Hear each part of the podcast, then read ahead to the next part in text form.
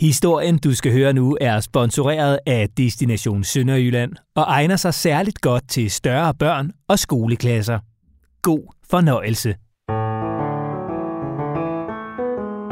Velkommen til en rejse tilbage til en af de mest afgørende tidspunkter i Danmarks historie.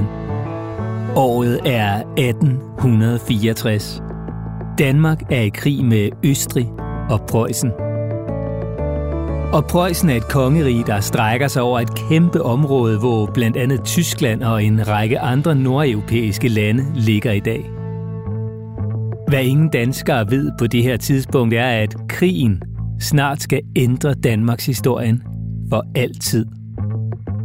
For snart skal den danske hær lide et smerteligt nederlag i et voldsomt krigsslag, der kommer til at betyde, at en stor del af Danmark ikke længere er dansk, men bliver preussisk.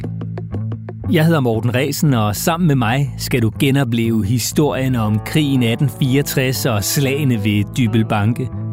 Du skal med ind i soldaterlejrene og ud på slagmarken, ud på skanserne, med granaterne regnende om ørerne. Der er en hel masse, vi skal nå, så lad os straks komme i gang. Og historien begynder lige her, hvor jeg står. Midt i et kæmpemæssigt dansk forsvarsværk. En skanse, der er en helt lille miniby med voldgrave, krudt, kugler og kanoner, hvorfra de danske soldater skal forsvare landet mod preusserne. Og hvis du, ligesom mig, står på Historiecenter Dybelbanke lige nu, så skal du bare skrue op for lyden i dine hovedtelefoner og følge med mig. Og så kan du bare sætte historien på pause, hvis du får brug for lidt mere tid undervejs. Og lytter du et helt andet sted, så lover jeg at tage dig med på en fantastisk tur gennem Danmarks historien, sammen med vores guide, som du skal møde nu. Jeg hedder Ditte Kok, og jeg er historiker og formidler på Historiecenter Dybel Banke, hvor jeg arbejdede med krigen 1864 i de sidste 10 år.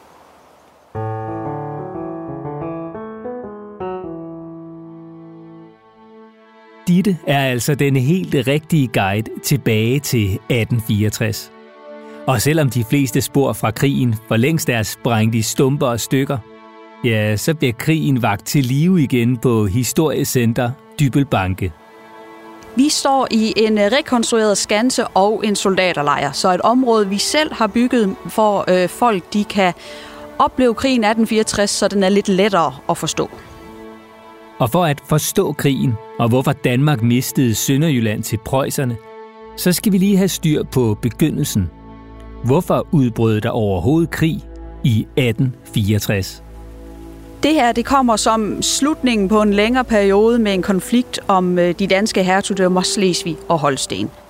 Holsten hørte under hele staten Danmark, men var tysk. Altså det var et tysktalende land og tyske folk, der boede dernede. Problemet var Slesvig, som var halvdansk, halvtysk. tysk.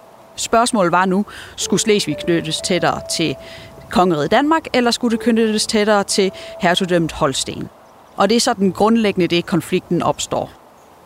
Og man havde forsøgt i flere år op til krigen 1864 at løse det her problem, men må til sidst give op. Krigen den øh, starter med, at Preussen og Østrig øh, sender øh, to diplomater hen over øh, grænsen til hele staten Danmark og simpelthen afleverer en utrolig høfligt formuleret seddel og erklærer krig. Og øh, der står den danske her og også Preussen Østrig nede ved Dannevirke. Det er cirka 70 km herfra. Dannevirke det er jo den her meget, meget gamle vikingevold, vi alle har hørt om der har den danske her op til krigen 1864 bygget nogle store skanser, 27 styks, og det er så meningen, at Danmark skal forsvare sig der på tværs hen over Jylland. Problemet er, at det vil kræve voldsomt mange soldater, og det har Danmark ikke. Ikke i nærheden af nok mænd til at holde Danmark på tværs af Jylland. Der er bygget øh, barakplads, altså sovepladser, til ca. 2.000 øh, soldater, og der var 35.000 soldater dernede mindst. Og det er ikke nok i februar. Og der er flere ting, der går galt dernede. Så den 5. februar, der må den danske her trække sig tilbage til Dybel, hvor vi er nu. Så der har altså været optræk til krigen længe, fordi der er strid om, hvorvidt hertugdømmet Slesvig skal høre til Danmark eller Holsten. Og da forhandlingerne bryder sammen, erklærer Preussen og Østrig krig mod Danmark. Ret hurtigt bliver de danske soldater fortrængt fra det gamle forsvarsværk Dannevirke, der den dag i dag ligger i Tyskland. Og for at kunne forsvare Danmark bedst muligt, trækker soldaterne små 80 km nordpå til Dybelbanke, hvor der er bygget både skanser til kamp og store soldaterlejre. Og begge dele er genopført på Historiecenter Dybelbanke. Og er du på Historiecenteret lige nu, så skal du gå over til mandskabsbarakken. Og lytter du et andet sted, så skal du bare lukke øjnene og forestille dig en cirka 12 meter lang træbygning med skråtag, der indvendigt lidt ligner en staldbygning. For det eneste, der er ned gennem bygningen, er halm på gulvet i hver sin side, med en smal gang i midten. Vi står i øh, mandskabsbarakken, som er soldaternes sovesal. Det er her, soldaterne de kommer ind og får lov til at hvile sig efter måske seks dage øh, på slagmarken, hvor de har været udenfor uafbrudt. Og det er jo bare en lang træbygning med to store senge i hver side, og seng, det er måske også sådan lidt for positivt. Det er to store trækasser med halm i, og så ligger soldaterne der og sover. Så for os, der tænker vi, at her skal vi ikke ned og ligge. For soldaterne har det været et paradis. Altså at kunne tage læderstøvlerne af for første gang i seks dage, og få den våde uniform af, og komme ned og ligge i noget, der er tørt og blødt, og der er ikke nogen, der skyder på dig. Hvor mange soldater ligger inde i den her mandskabsbarak? Altså, den er bygget til 34 i det hele. 17 mand i hver side. Og er der kun det, der ligger, så er der fint plads. Og du, og du siger 17 mand på hver side. Jeg har lige målt barakken her til at være 12 meter, så det vil sige, man har ikke engang en meter som soldat, når man ligger her. Øh, nej, det har man ikke. Men jo tættere man ligger, så jo varmere er det jo. Så det er som sådan ikke et problem. Problemet er, at man ikke helt har barakker nok. Så der har nok sovet tættere på 50 end 34. Så det vil sige 25 på hver sin side med lidt hurtig hovedregning, så har man en halv meters penge at gøre godt med. Man har ligget tæt. Ja, det har man. Men for soldaterne, der har det ikke været det store problem, fordi alternativet har nok været værre. Og alternativet, ja, det var at være ude på slagmarken, ude i skanserne, hvor krigen allerede nu raser.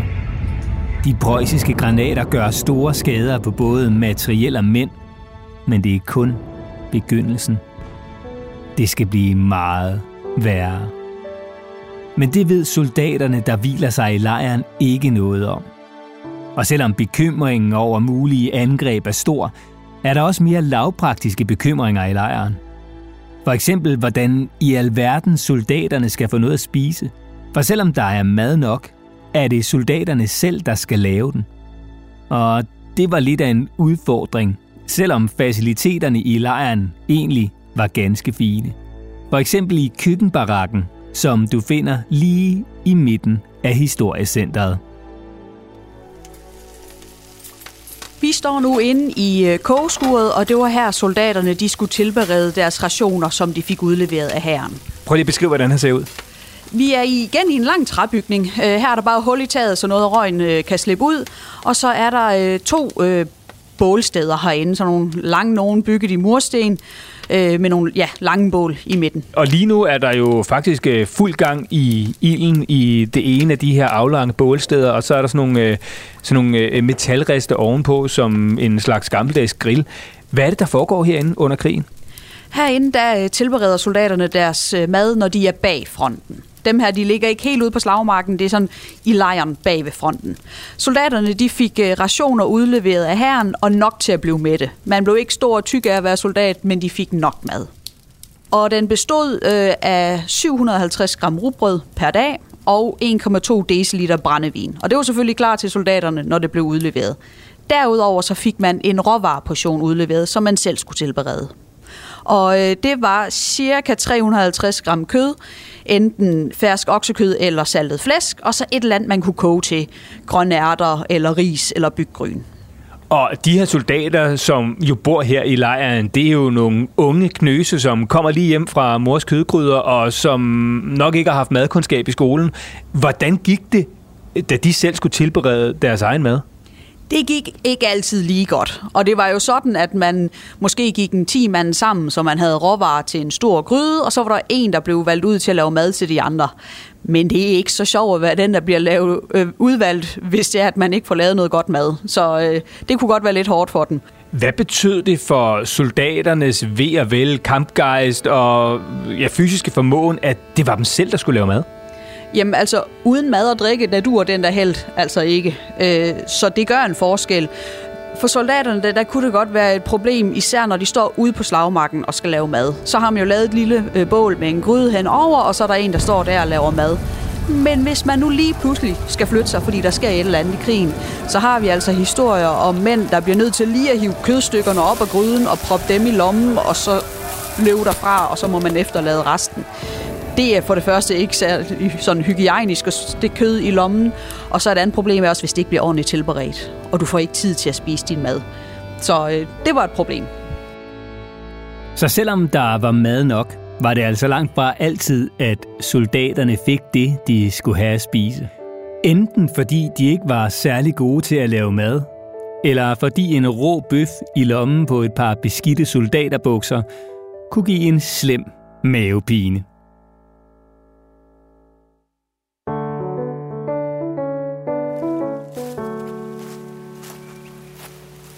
Hvad er det, der ligger der? Øh, marketenderen, det er endnu et sted, hvor soldaterne de kan skaffe sig noget at spise. Som sagt, så fik de de her rationer udleveret som standard. Men der kunne være en situation, hvor de her mænd de var så langt fra magasinerne, at man ikke kunne få råvarerne ud til den. Så i stedet så var der altid en marketenter, der fulgte øh, dem rundt, og det er sådan en lille kiosk. Øh, og der skulle man sælge et varmt måltid mad hver dag, Øh, man skulle sælge pussemidler, så soldaterne kunne pusse deres gevær, papir, så de kunne skrive brev hjem. Så det er simpelthen et sted, hvor man lige kan købe det vigtigste. Kaffe, te osv. Og efter nogle dages hvile i lejren skulle soldaterne tilbage og kæmpe i skanserne på slagmarken. Men så langt behøver vi slet ikke at gå. Vi skal bare lige en kort tur fra mandskabsbarakken, kogeskuret og marketenderen op til der, hvor det for alvor blev farligt. Vi er nu kommet øh, ud i selve Skansen, altså de der forsvarsværker, som lå på toppen af Dybelbanke. Lige nu står vi inde i blokhuset, som er den sådan centrale træbygning i midten af Skansen. Og det er soldaternes opholdsrum, så der er også sådan nogle bænke, kan man kalde det, hele vejen rundt, hvor soldaterne de kan ligge og sove. Og så er det soldaternes beskyttelsesrum, og så har vi jo skydeskoven hele vejen rundt. Det vil sige, at man kan også tage en kamp herindfra. Hvor god var beskyttelsen? Øh, det var en dødsfælde. Altså, det er jo en fantastisk øh, flot bygning, og den ser virkelig solid ud. Det var den bare slet ikke. Øh, altså, selv i forhold til gammelt artilleri på det her tidspunkt, ville den ikke have kunne modstå det. Men preusserne kom med de her nye øh, kanoner med bedre granater, som gik direkte igennem det var simpelthen for farligt i forhold til, hvad man vandt ved at være derinde. Og så var der jo kun én ting at gøre. At gøre sig klar ved kanonerne. Og nu står vi så ved det, som vel nok er det bedste bevis på, at det her det er en skanse, der er bygget til krig, og det er massivt i støbejern, tror jeg det er, det gigantisk sort kanon, som peger op over selve skansens mure. Ditte, hvor står vi hen lige nu? Vi øh, står op ved vores 84 punds fæstningskanon, og det er sådan den største kanontype, som danskerne har haft her på Dybelbanke. Og nu siger du 84 pund, det vil sige, det er 42 øh, kilo, men det er jo ikke det, som selve kanonen vejer går ud fra. Nej, det er vægten af det massive projektil. Altså havde vi skudt med en kanonkugle, så ville den veje 42 kilo. Men hvor meget vejer den her mobbedreng af en kæmpe kanon, som ligner noget fra en øh, overdimensioneret sørøverfilm, som vi står lige ved siden af nu? Altså med det hele, altså inklusive lavet og sådan noget, så er vi på et par ton. Lige foran os, der er noget, som jeg godt kunne ligne sådan et eller andet pileflet fra et øh, haveprogram. Altså, der er ligesom flettet en mur hele vejen rundt om Skansen, og så er der en kæmpestor jordvold, og hvad er der nede på den anden side? Ude på den anden side af jordvolden, der har vi vores voldgrav med palisadepæle i. Der er ikke vand i en voldgrav rundt om en skanse. Det er der mange, der tror, der skal være, men det er der ikke. Det ødelægger øh, jordvolden. Men der er nogle høje, høje træpæle, altså 2,5 meter, tror jeg, det er, sådan at fjenden ikke bare kan løbe ned i voldgraven og komme ind igennem der. Det er jo øh, tiden før rendegraveren, og det er for at bygge en skanse på, som vores på den størrelse, der er det 5.000 tons jord, man skal flytte. Øh, men man skal have en jordvold. Det er det, der er det primære, og det jord tager man så direkte ud foran, og det er der af øh, voldgraven den kommer. Så det vil sige, at man graver en stor rund cirkel, det er det, der bliver voldgraven. Så tager man jorden, som man graver op, og så laver man det til den vold, som vi står og kigger på lige nu. Ja, det er rigtigt. Og så har man inden for den jordvold, der har man jo så sit opholdsrum, sine krudtmagasiner, sine store kanoner, og uden for jordvolden øh, i voldgraven, de her palisadepæle. Og nu står vi jo så foran en kæmpe kanon, den største af dem. Hvad er det for nogle våben, som den danske hær har på det her tidspunkt i 1864? Ja, det er jo her, vi kommer til et meget berømt emne, når man taler 1864. Øh, der er mange, der har hørt det der med geværerne, at Danmark havde dårligere gevær i forhold til preusserne. Øh, det har ikke gjort den store forskel for krigens udfald. Øh, det her det er en kanonkrig. Problemet er, at Preussen også har meget bedre kanoner end danskerne. Man går simpelthen fra øh, forladet glatløbede kanoner til bagladet riflede kanoner. Så på den måde er det utrolig interessant her i krigen, man ser de her to våbentyper over for hinanden. Og det er ikke fordi Danmark er håbløst bagud, eller at de danske kanoner er øh, elendige. Det her det er en utrolig god kanon op til en kilometers afstand, og den granat, den skyder med, er også voldsomt farlig for de folk, der står ude foran. Problemet er bare, at prøjserne kan skyde endnu længere. Det vil sige, at prøjserne kan stille deres artilleri på en afstand, hvor danskerne ikke effektivt kan ramme dem, og så kan de ligge og skyde, uden at danskerne kan gøre det store ved det. Og det var ikke kun rækkevidden af kanonerne, der gav prøjserne en kæmpe fordel. Det gjorde hastigheden, de kunne skyde med, også. Den store forskel det er, at når, en, når danskerne her skal deres granat ind i kanonen, så skal de ud til mundingen, og så skal de først proppe krudt ned, og de skal proppe en kugle ned. Og når en kugle skal ind i et våben ud fra mundingen, så bliver kuglen nødt til at være lidt mindre end end løbet, for ellers så sidder, sidder den simpelthen fast ude for enden. Så den skal lige være så lille, at man kan få den ned i bunden. Problemet er, at så er den jo stadigvæk for lille, når den skal ud. Det vil sige, at den kan ligge og lave sådan en zigzag-bevægelse inde i løbet. Og man ved ikke helt, om den er ved zig eller sagt, når den rammer mundingen, så altså hvilken vej den flyver. Men som sagt, op til en kilometers afstand, der vil man stadigvæk kunne ramme sit mål i hver andet skud. Og, og det er ganske udmærket for den her tid. Preussen har fået bagladekanoner. Det vil sige, at de kan bare åbne en lue nede bagved, og deres projektil behøver ikke at være mindre end løbet. Og desuden så har preusserne sat en riffelgang i deres kanonløb. Og den her riffelgang, den tager fat i den her spidse granat og får den til at rotere om egen akse. Og når den gør det, så flyver den meget præcis lige ud. Det vil sige, at den kan simpelthen flyve øh, præcis ud over slagmarken på noget længere afstand, end den her runde kugle, den kan. Altså en riffelgang, man skal næsten forestille sig sådan en slags øh, spiralmønster, som kører inde i kanonløbet, og som så faktisk får selve kuglen til at rotere, og det betyder så, at øh, den bliver meget mere præcis at skyde med. Ja, den flyver simpelthen mere stabilt øh, gennem luften. Så øh, det der med, at hvis man vil ramme sit mål i hver andet skud, det kan den preussiske kanon gøre på i hvert fald to kilometers afstand. Nok også en del længere, hvor danskerne ligger på en kilometer cirka. Men det var ikke kun kanonerne, der var forskel på. Det var der også på soldaternes gevær.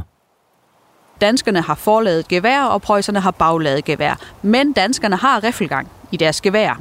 Så hvis man står på en skydebane med øh, de danske og de preussiske gevær og skyder til måls, så er det danske bedre end det preussiske. Øh, det kan simpelthen ramme på længere afstand, end preusserne kan. Preussernes kan bare lades meget hurtigere, fordi de bare skal stå dernede bagved, hvor danskerne skal op og stå og ud til mundingen og altså noget. Så hvor et dansk gevær kan lades to gange på et minut, så kan et preussisk gevær lades seks gange på et minut. Hvilket jo i en kamp på åben mark gør en ret stor forskel, når man står og skyder efter hinanden. Men altså især her ved Dybel, hvor vi har de her store jordskanser, man kan jo ikke skyde en skanse i stykker med et gevær det, det gør ikke nogen forskel, at der ryger geværkugler ind i den vold. Det falder den ikke sammen med. Der er det jo de her granater, der kan ødelægge de her forsvarsværker fuldstændig.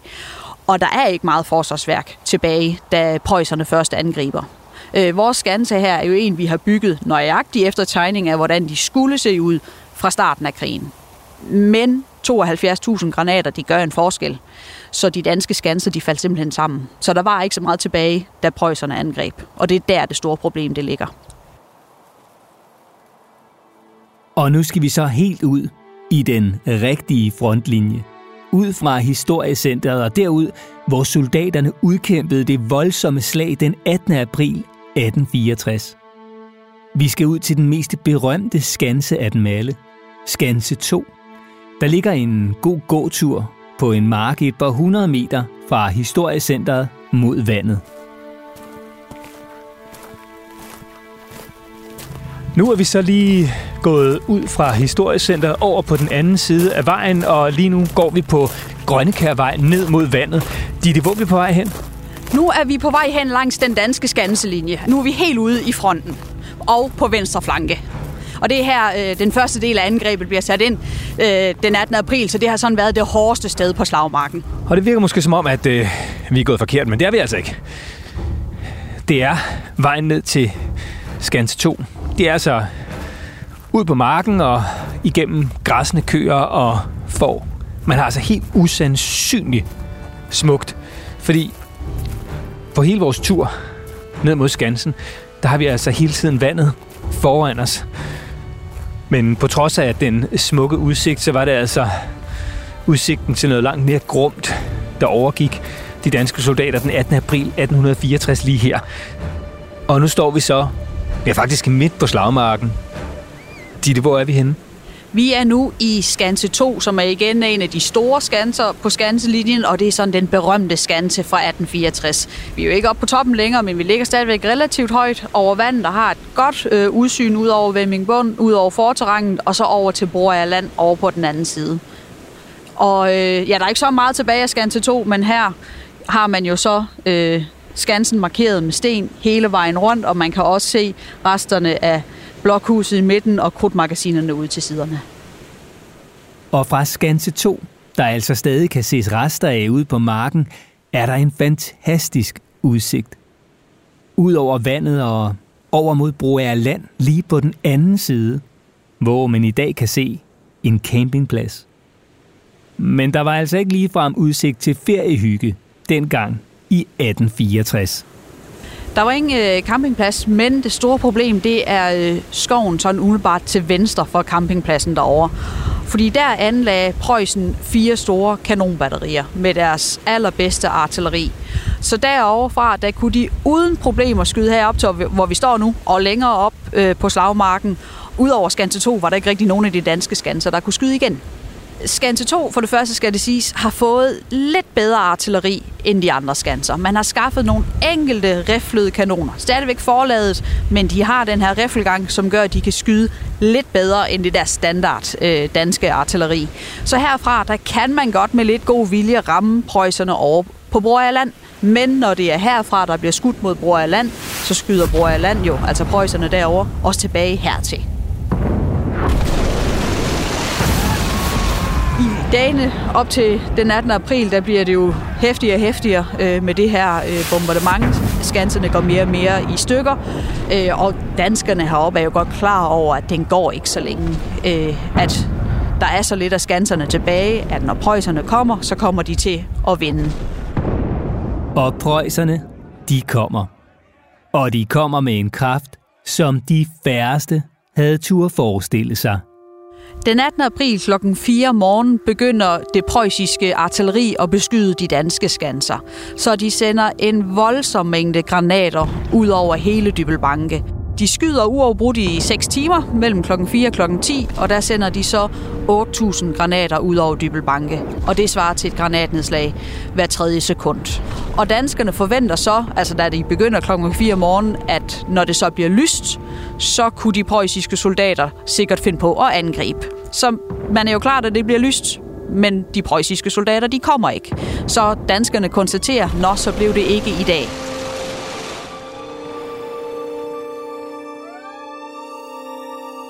Men klokken øh, 10 præcis, der stopper de preussiske kanoner.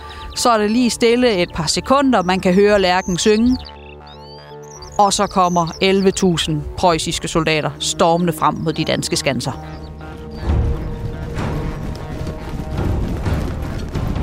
for hver danske soldat, altså den 18. april, der var der fem prøjser.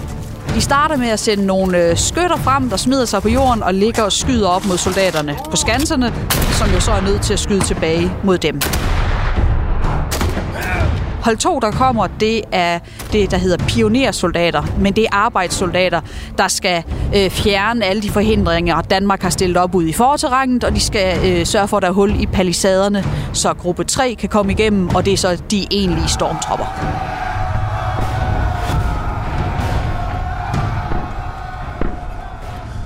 De løber jo op mod Skansen, breder sig ud, ikke nødvendigvis hele vejen rundt om Skansen, men hele fronten og lidt ned ad siderne, og så simpelthen ned i voldgraven, igennem palisadepælene, og så op af den her stejle vold op til danskerne. Der er nogle skanser, hvor de bliver klar med kanonerne. Blandt andet her i skanse 2, hvor vi står. Der begynder de at, ligge, at, at simpelthen sende granater ud mod de prøjser, der er på vej der er også nogle skanser, som bliver fuldstændig overrumplet, hvor man ikke når at få affyret øh, kanonerne, før øh, prøjserne står inde i skansen. Og så er det altså kamp mand mod mand? Det er det, ja. Det har været nogle øh, blodige kampe, for igen, når det tager så lang tid at øh, affyre et øh, gevær, så når du har skudt en gang, så går man jo nok over til bajonet og kolbeslag. Prøjserne de stormer øh, klokken 10 mod de danske skanser 1-6 som alle er faldet senest halv 11. Og der skulle de preussiske soldater så være stoppet i de skanser, de havde erobret. Men øh, adrenalin pumper gennem kroppen, så de fortsætter sådan set bare videre ud over slagmarken mod de danskere, der står nede bagved. Så der kommer der sådan nogle spredte kampe mellem danskere og preussere der. Og hele slagmarken er øh, erobret klokken 2 om eftermiddagen.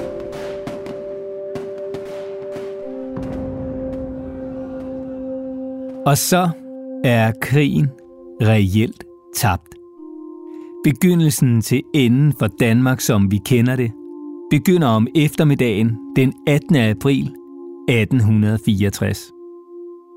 Og efter yderligere slag i de efterfølgende måneder, mister Danmark hertugdømmerne Slesvig og Holsten til preusserne.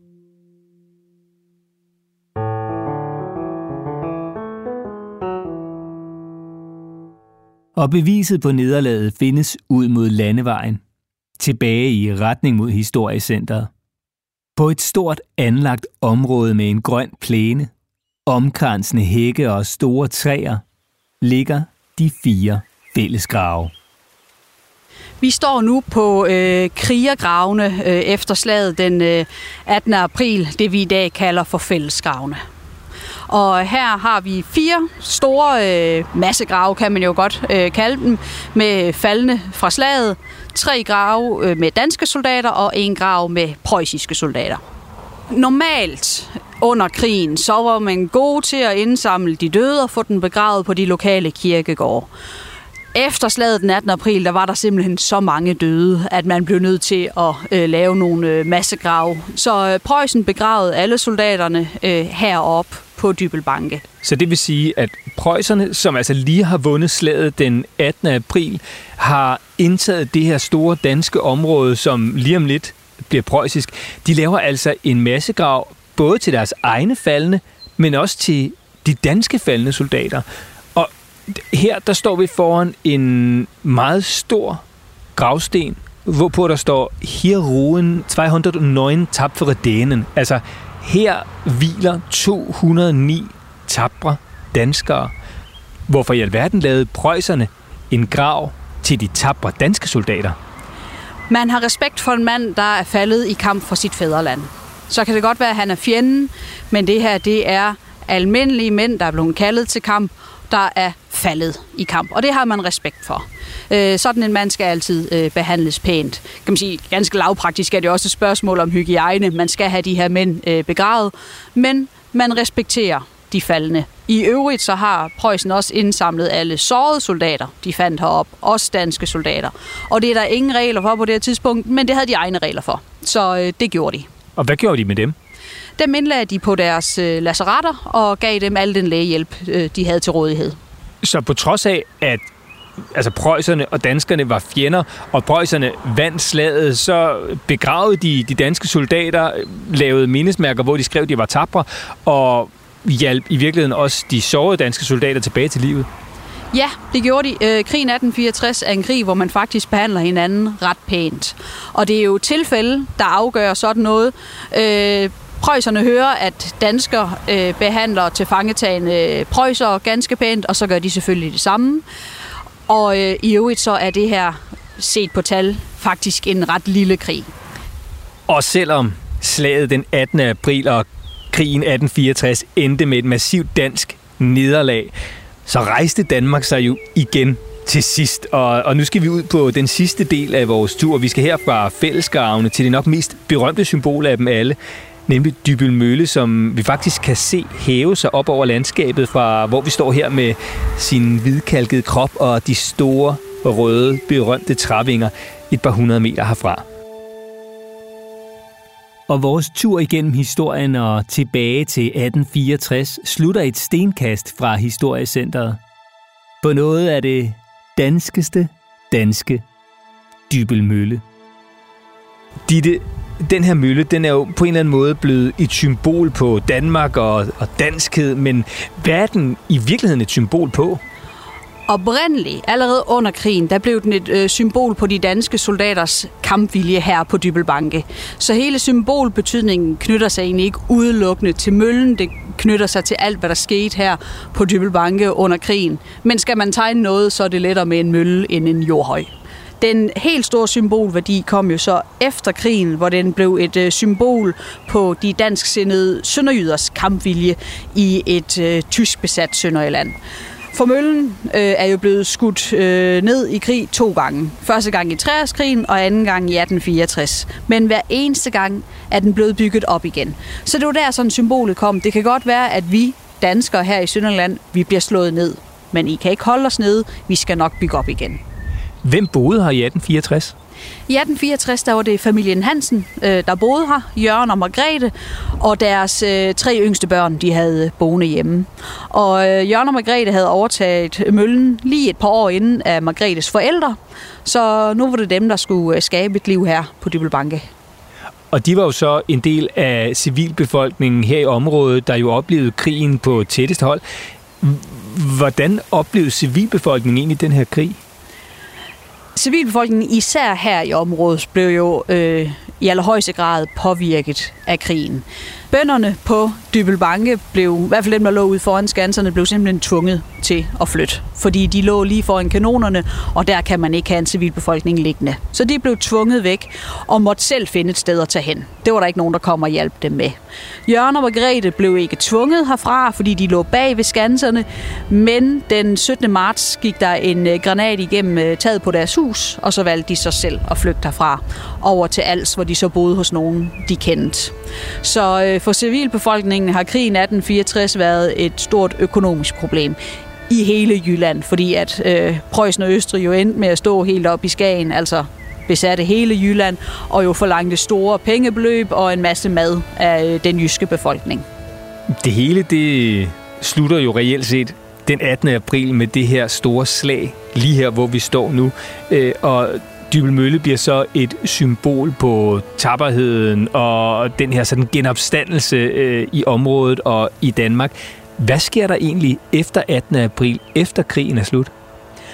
Altså efter krigen er slut, øh, den endelige øh, fredsaftale underskrives øh, i slutningen af oktober, der øh, er der en kort overgangsperiode, hvor man jo lige skal have tegnet den nye grænse op ved Kongeåen, men hvordan skal den præcis gå?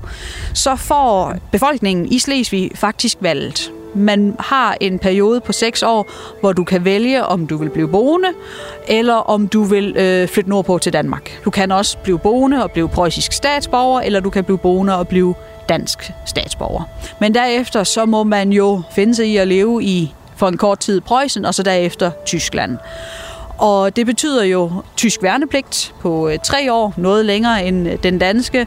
Det betyder, at der er mænd, der kommer med i øh, krigen mod Frankrig i 1870, og så er der utrolig mange mænd her for området, der har været med i Første Verdenskrig på tysk side. Og på forsiden af selve møllen hænger en sten med et digt, der meget godt beskriver møllen og den sønderjyske befolknings evne til at kæmpe, falde og rejse sig igen. Tvende gange skudt i grus er der rejst som møllehus. Vogter for et mindebo, selv en bagta, dansk og tro. Spejt så langt dit øje når, grav ved grav i marken står. Danske mænd gav livet hen, troskab holder skansen ind. Tårduket æreskrans slår om dybels navn sin glans. Slægter dør, men sproget binder. Fremtid gror af dyre minder. Det er jo et voldsomt dansk digt. Altså det er jo et øh, symbol på den der meget stille kamp, man tog her i Sønderjylland. Fordi man kom jo ikke på noget tidspunkt i direkte fysisk oprør mod tyskerne. Men det er et symbol på den der, at vi holder fast ved det danske. Øh, vi har den her danske mænd gav livet hen. Altså danske mænd døde her på Dybelbanke. Men troskab holder skansen ind. Det kan godt være, at vi tabte militært, men i troskab til Danmark, der holder vi stadigvæk skansen her. Så det er sådan set ret provokerende over for Tyskland, men jo på en stille måde. Så det var altså krigen 1864, der gjorde, at Sønderjylland blev preussisk, men det var faktisk endnu en krig, der gjorde området dansk igen. Ja, i øh, 1914 der bryder Første Verdenskrig ud, og det betyder jo, at mænd her fra Sønderjylland skal med i krig. Tyskland taber krigen i 1918, og så kommer der en øh, demokratisk afstemning i 1920, og øh, set på hele Sønderland, så stemmer 75 procent dansk, og så bliver Sønderland en del af Danmark igen. Og den del af historien kan du høre meget mere til i afsnittet om genforeningen, hvor du kan komme med tilbage til den gang, hvor Sønderjylland igen blev dansk. Men lige her fra foden af Dybel Mølle, beviset på den danske overlevelse, slutter vores rejse tilbage til 1864.